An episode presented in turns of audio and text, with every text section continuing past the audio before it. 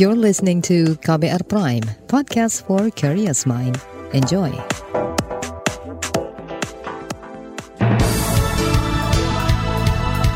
Selamat pagi saudara, senang sekali bisa menjumpai Anda kembali melalui program Buletin Pagi edisi Jumat 19 Agustus 2022. Saya Malika. Sejumlah informasi pilihan telah kami siapkan, di antaranya harga pangan di daerah sumbang inflasi nasional. Pemerintah dorong TPID aktif. KPK sebut butuh waktu dalami laporan dugaan suap Verdi Sambo ke LPSK. Satu orang tewas dalam kebakaran kapal pengangkut BBM di Papua. Inilah Buletin Pagi selengkapnya terbaru di Buletin Pagi. Saudara Presiden Joko Widodo menyebut inflasi tengah menjadi momok menakutkan bagi semua negara termasuk Indonesia.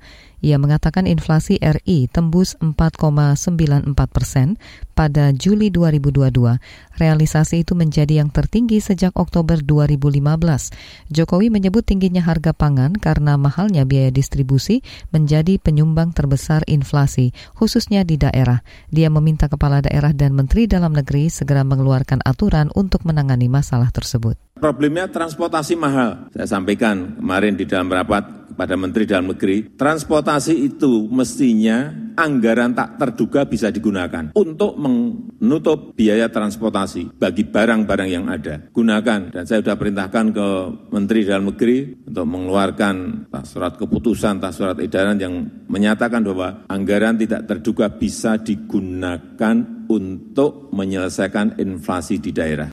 Selain pangan, Jokowi juga mengatakan lonjakan harga energi akibat perang Rusia-Ukraina menyebabkan harga minyak dunia tembus hingga 100 US dollar per barel. Hal itu membuat harga BBM non-subsidi dan aftur meningkat tajam. Saudara, beberapa daerah saat ini mengalami lonjakan inflasi melebihi angka nasional. Menteri Koordinator Bidang Perekonomian Erlangga Hartarto menyebut ada 30 daerah di Indonesia yang tingkat inflasinya cukup tinggi, bahkan lima di antaranya mencapai 8 persen, seperti Jambi, Sumatera Barat, dan Bangka Belitung. Untuk itu Erlangga meminta seluruh kepala daerah beserta tim pengendali inflasi daerah TPID segera menekan angka inflasi agar tak semakin melambung. Nah ini tentu perlu ditangani secara lebih baik, terutama TPED TPED harus uh, membuat beberapa program pengendalian inflasi yang adaptif dan inovatif. Dan tentunya salah satu yang terkait dengan logistik, Bapak Presiden meminta juga Pak Menteri Perhubungan untuk meningkatkan frekuensi penerbangan agar uh, rate logistik maupun rate penumpang bisa turun. Erlangga menambahkan partisipasi pemerintah kabupaten kota untuk memperkuat TPID saat ini mencapai 78 persen, meningkat dari tahun lalu yang hanya 71 persen. Saat ini kata dia pemerintah tengah berupaya meningkatkan sinergi pemangku kepentingan dalam pengendalian inflasi, terutama menjaga stabilitas harga dan daya beli masyarakat. Ini dilakukan melalui program 4K, yaitu keterjangkauan harga, ketersediaan pasokan, kelancaran distribusi, dan komunikasi efektif. Di sisi lain, pengendalian inflasi juga menjadi perhatian Bank Indonesia. Gubernur BI Peri Warjio menyatakan permasalahan inflasi harus segera diselesaikan dengan langkah nyata melalui kebijakan mikro dan makro. Sinerginya adalah dalam bentuk tiga kebijakan. Satu adalah sinergi untuk mengatasi inflasi pangan itu menjadi penting karena Juli kemarin inflasi pangannya 11,47 persen, sementara inflasi IHK-nya 4,94 persen. Dan Pak Menko sudah bergerak cepat untuk mengatasi inflasi pangan. Beras, cabai, bawang maupun minyak goreng sudah mulai terkendali. Perry menyebut jika inflasi pangan bisa diturunkan dari 11,47 persen menjadi maksimal 5 atau 6 persen, maka daya beli masyarakat akan baik. Untuk itu, BI dan pemerintah daerah membuat gerakan bersama seperti operasi ketersediaan pangan dengan mengalihkan stok dari daerah yang surplus ke daerah defisit dan membuat kebijakan fiskal dalam bentuk subsidi energi listrik agar tingginya harga minyak tidak membebani masyarakat. Sementara itu, anggota Komisi Bidang Ekonomi DPR, Kamarus Samad, mendorong peran dan kontrol yang lebih serius dari tim pengendali inflasi daerah TPID di lapangan. Menurut legislator Partai Gerindra ini, instruksi Presiden kepada jajaran dan kepala daerah harus segera disikapi, sebab inflasi di beberapa daerah saat ini sangat tinggi dan mengkhawatirkan. Tim pengendali inflasi daerah untuk membuat program pengendalian inflasi yang inovatif, karena situasi ini masih penuh dengan ketidakpastian, uncertainty. Pun kalau kita lihat yang sangat penting di sini adalah kerjasama antara pemerintah daerah dengan unsur pemerintah, unsur Bank Indonesia, serta unsur kementerian terkait dengan uh, distribusi dan juga perdagangan, terutama untuk memastikan supaya surplus komoditas dan kebutuhan komoditas bisa terpenuhi. Kamarus Samad menambahkan kondisi secara real menggambarkan bahwa inflasi daerah berpengaruh dan berkontribusi besar terhadap inflasi nasional.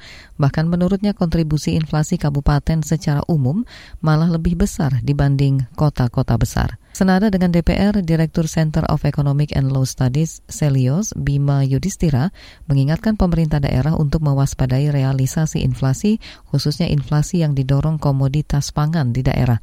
Menurutnya selama ini fungsi tim pengendali inflasi daerah TPID sangat penting dalam mengontrol realisasi inflasi di tiap daerah. Ada daerah yang kondisinya pasokan pangannya surplus, tapi ada juga beberapa komoditas yang defisit ataupun juga harus kerjasama dengan pemerintah daerah lainnya. Nah, jadi memang pangan ini ya, mulai dari pupuknya, harga pestisida, kemudian juga distribusi ini kan sifatnya fundamental, struktural. Hmm. Soal distribusi beberapa komoditas pangan itu memang cukup panjang. Bima mendorong Pemda terus mengedepankan kepekaan terhadap suasana atau sense of crisis terkait pangan yang menjadi penyumbang inflasi terbesar di daerah.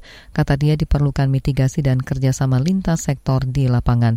Pemerintah daerah juga perlu mencermati inflasi secara nasional yang hampir menyentuh 5 persen. Pemerintah luncurkan uang pecahan baru 2022. Informasinya hadir sesaat lagi, tetaplah di Buletin Pagi KBR. You're listening to KBR Pride, podcast for curious mind. Enjoy!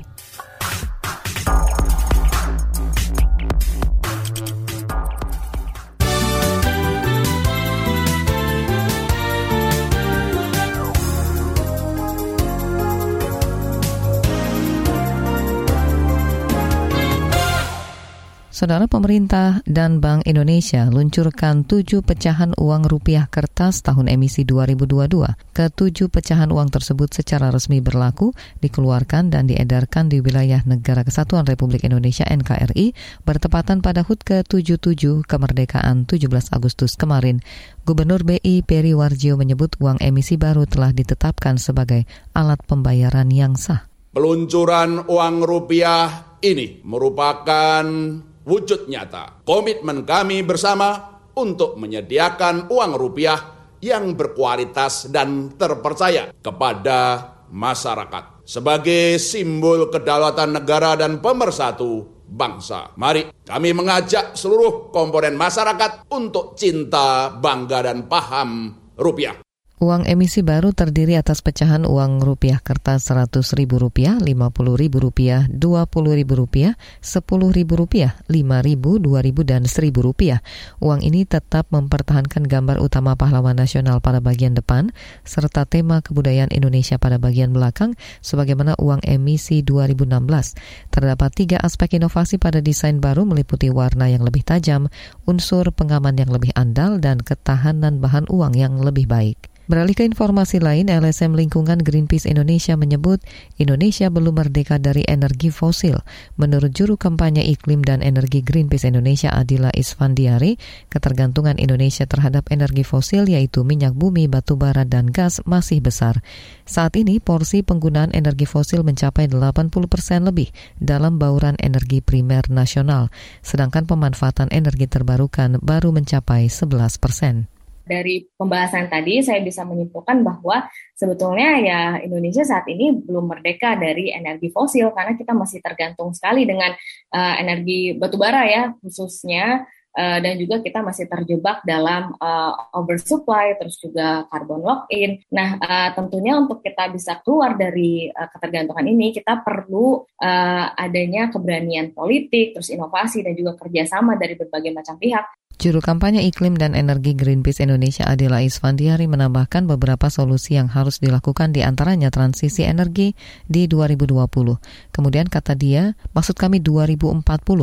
Kemudian kata dia perlunya kepemimpinan yang tegas untuk menghentikan pembangkit listrik tenaga uap PLTU batubara agar tidak terjadi kelebihan suplai dan penguncian karbon serta mempercepat energi terbarukan. Kita ke informasi hukum, Komisi Pemberantasan Korupsi KPK menyebut butuh waktu untuk memproses laporan dugaan suap terhadap Lembaga Perlindungan Saksi dan Korban LPSK oleh mantan Kadif Propam Irjen Verdi Sambo. Juru bicara KPK Ali Fikri menegaskan pihaknya harus memverifikasi laporan tersebut dalam waktu 30 hari kerja. KPK telah menerima laporan pengaduan masyarakat dimaksud dan kami pastikan KPK akan tindak lanjuti setiap laporan yang diterima oleh masyarakat dengan melakukan langkah-langkah analisis lebih lanjut berupa verifikasi mendalam dari data yang kami terima dimaksud. Uh, verifikasi ini menjadi penting uh, untuk menghasilkan rekomendasi apakah laporan pengaduan masyarakat uh, tersebut layak ditindaklanjuti ataukah hanya diarsipkan oleh KPK.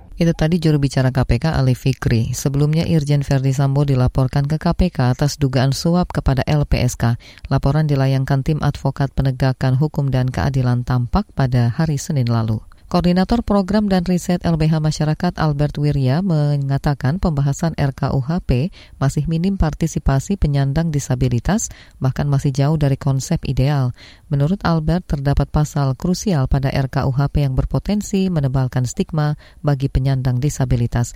Di antaranya pada pasal 38 yang tertulis, setiap orang yang pada waktu melakukan tindak pidana menderita disabilitas mental dan atau disabilitas intelektual, pidananya dapat dikurangi dan dikenai tindakan tindakan. Ini yang membuat uh, lebih banyak orang lagi berpikir bahwa ya orang dengan disabilitas psikososial dan intelektual itu tidak punya kapasitas hukum yang uh, tidak ya, yang menyebabkan mereka tidak bisa dimintai pertanggungjawaban pidana. Dan sama juga seperti sebelumnya, jika tidak berhati-hati maka penggunaannya malah bisa untuk melestarikan stigma terhadap penyandang disabilitas. Menurut Albert, pemerintah perlu memperbaiki draft RKUHP terutama berkaitan dengan pertanggungjawaban pidana yang tidak bisa diberlakukan secara merata hanya dengan melihat status seseorang.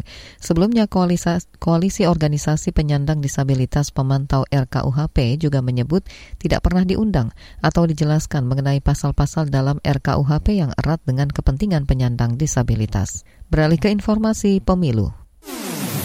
Kabar pemilu. Kabar pemilu.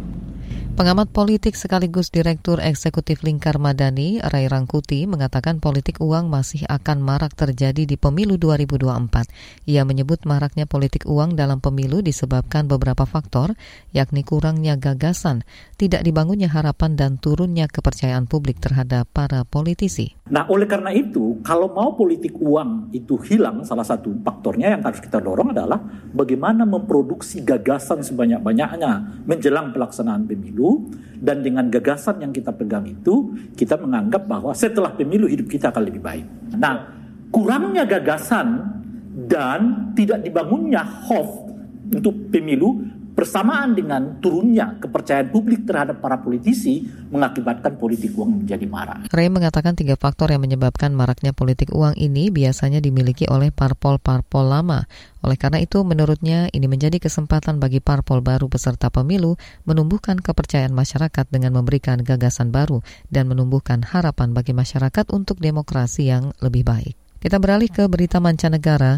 Jumlah korban tewas akibat ledakan di salah satu masjid Kabul, Afghanistan bertambah drastis dari 3 menjadi 21 orang terhitung hingga kemarin. Dilansir dari AFP, juru bicara kepolisian Kabul Khalid Zadran menyebut ledakan terjadi saat doa malam dilakukan sehingga mengakibatkan banyak korban jiwa. 33 orang lainnya luka-luka. Sementara itu juru bicara rezim Taliban di Afghanistan, Zabihullah Mujahid menyatakan pelaku ledakan ini akan dihukum. Namun hingga kini belum ada kelompok yang mengaku sebagai dalang ledakan itu. Ledakan terjadi sekitar sepekan setelah bom bunuh diri mengguncang satu madrasah di Kabul, menewaskan salah satu imam kenamaan Taliban, Rahimullah Hakani, dan saudara laki-lakinya. Kita ke berita olahraga, Presiden Joko Widodo memberikan apresiasi berupa bonus 1 miliar rupiah kepada tim nasional sepak bola U16 atas prestasinya menjuarai Piala AFF U16 2022. Bonus tersebut diserahkan Deputi Bidang Protokol, Pers, dan Media Sekretariat Presiden B. Mahmudin di Hotel Sultan Jakarta kemarin. Dalam penyerahan tersebut hadir di antaranya Sekjen PSSI Yunus Nusi, pelatih Timnas U16 Bima Sakti, serta seluruh pemain Timnas U16. B. Mahmudin dalam sambutan menyampaikan pesan Presiden supaya para pemain menjaga performa dan terus konsisten berprestasi. B juga berharap prestasi yang diraih timnas U16 bisa menular kepada pemain timnas jenjang usia lain seperti timnas U19, timnas U23 hingga timnas senior. Di bagian berikutnya kami hadirkan laporan khas KBR tentang mengkritik klaim pemberantasan korupsi di era Jokowi. Tetaplah di Buletin Pagi KBR.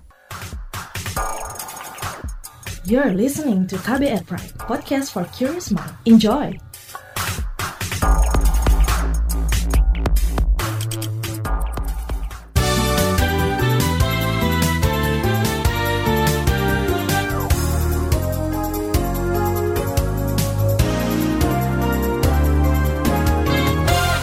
Presiden Joko Widodo menyatakan pemberantasan korupsi akan terus menjadi prioritas utama pemerintah. Jokowi juga membanggakan capaian pemberantasan korupsi yang membongkar kasus-kasus besar. Bagaimana sebenarnya wajah pemberantasan korupsi di Indonesia saat ini?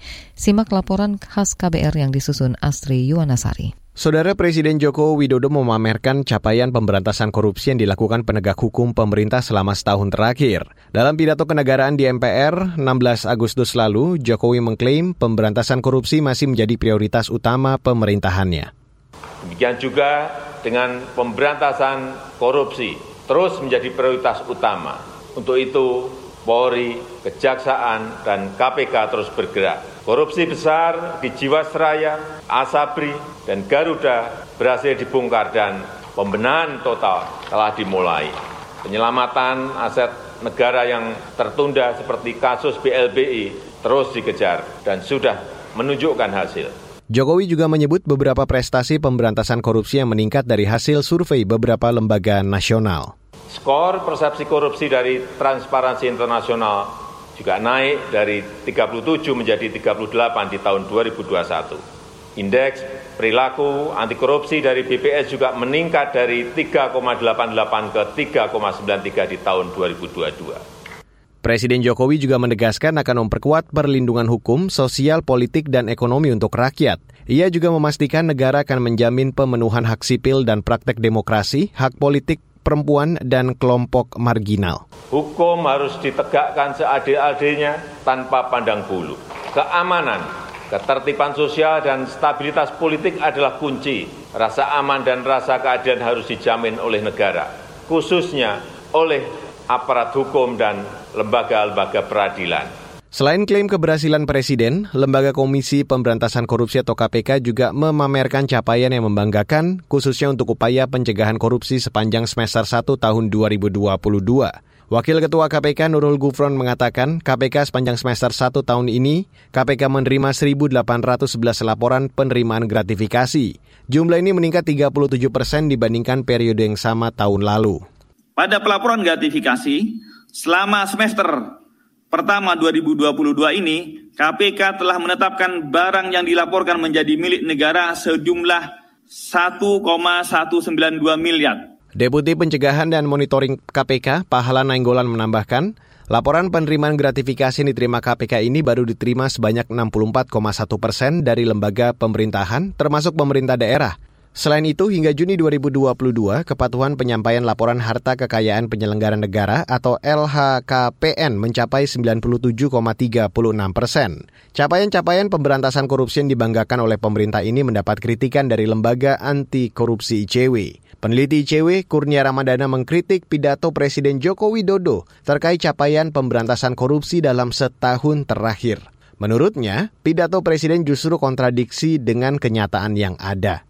Kurnia menyebut, di saat masyarakat menginginkan agar produk legislasi tambahan untuk memperkuat pemberantasan korupsi diundangkan, pemerintah justru memperlemah pemberantasan korupsi. Kurnia menyinggung upaya pemerintah memasukkan pasal penanganan tindak pidana korupsi dalam draft rancangan Kitab Undang-Undang Hukum Pidana atau RKUHP. Sekali lagi, kita tidak hanya fokus pada pemenjaraan badan saja, di waktu yang sama kami juga mengkritik ada banyak sebenarnya legislasi yang bisa dikerjakan oleh pemerintah soal pemberantasan korupsi, perampasan aset, pembatasan transaksi uang tunai dan itu selalu didengungkan oleh masyarakat. Jadi uh, tidak butuh sebenarnya naskah anti korupsi itu masuk di dalam RKUHP. Cukup diatur saja normanya, hukumannya dikembalikan ke Undang-Undang Tipikor dan pemerintah mengajukan Undang-Undang Tipikor untuk segera direvisi. Itu baru empat jempol kita berikan kepada Pak Jokowi. Menurut Kurnia, pasal-pasal pemberantasan tindak pidana korupsi yang dalam draft RKUHP akan semakin mempertegas penggembosan hukum di Indonesia.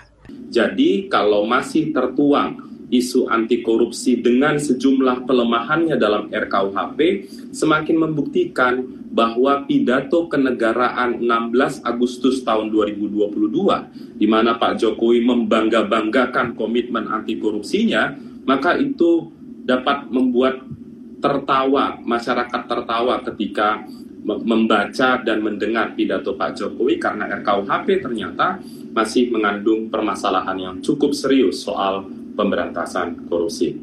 Dan saudara laporan ini disusun Astri Yuwanasari, saya Reski Mesanto. Informasi dari daerah akan hadir usai jeda, tetaplah di Buletin Pagi KBR. You're listening to KBR Pride, podcast for curious mind. Enjoy!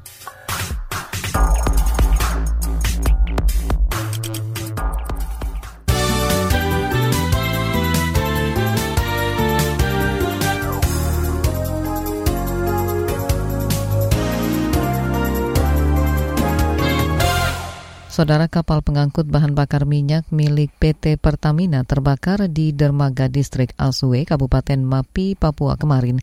Juru bicara Polda Papua Ahmad Mustafa Kamal mengatakan kebakaran menyebabkan 16 orang menjadi korban, satu korban meninggal dunia, 11 korban luka bakar, dan empat lainnya masih dalam pencarian telah terjadi kebakaran dua kapal di distrik Aswi Kabupaten Mapi ya api yang uh, berawal dari uh, kapal kayu yang berdampingan dengan uh, kapal muat BBM dari Pertamina. Juru bicara Polda Papua Ahmad Mustafa Kamal mengatakan saat kejadian terdapat 12 orang di kapal pengangkut BBM dan 4 orang di kapal kayu. Menurutnya hingga kini Polres Mapi masih menyelidiki penyebab kebakaran dan memeriksa sejumlah saksi yang melihat peristiwa itu. Kita beralih ke Medan. Wali Kota Medan Bobi Nasution mengatakan banjir yang melanda wilayah Medan dan sekitarnya disebabkan hujan deras hingga air sungai meluap. Untuk itu ia mengatakan Pemkot Medan akan segera membangun tanggul darurat. Menurut Bobi, sistem drainase di Kota Medan juga perlu dibenahi dan perlu ada normalisasi sungai. Sebelumnya, hujan deras dan angin kencang yang melanda Kota Medan Rabu dan Kamis mengakibatkan Sungai Deli, Sungai Babura, dan Sungai Seibatuan meluap air menggenangi permukiman warga dan ruas jalan sehingga mengganggu aktivitas warga. Informasi tadi menutup jumpa kita di Buletin Pagi hari ini. Pantau juga informasi terbaru melalui kabar baru, situs kbr.id, Twitter kami di akun @beritaKBR, serta podcast di alamat kbrprime.id. Saya Malika bersama tim yang bertugas undur diri. Salam.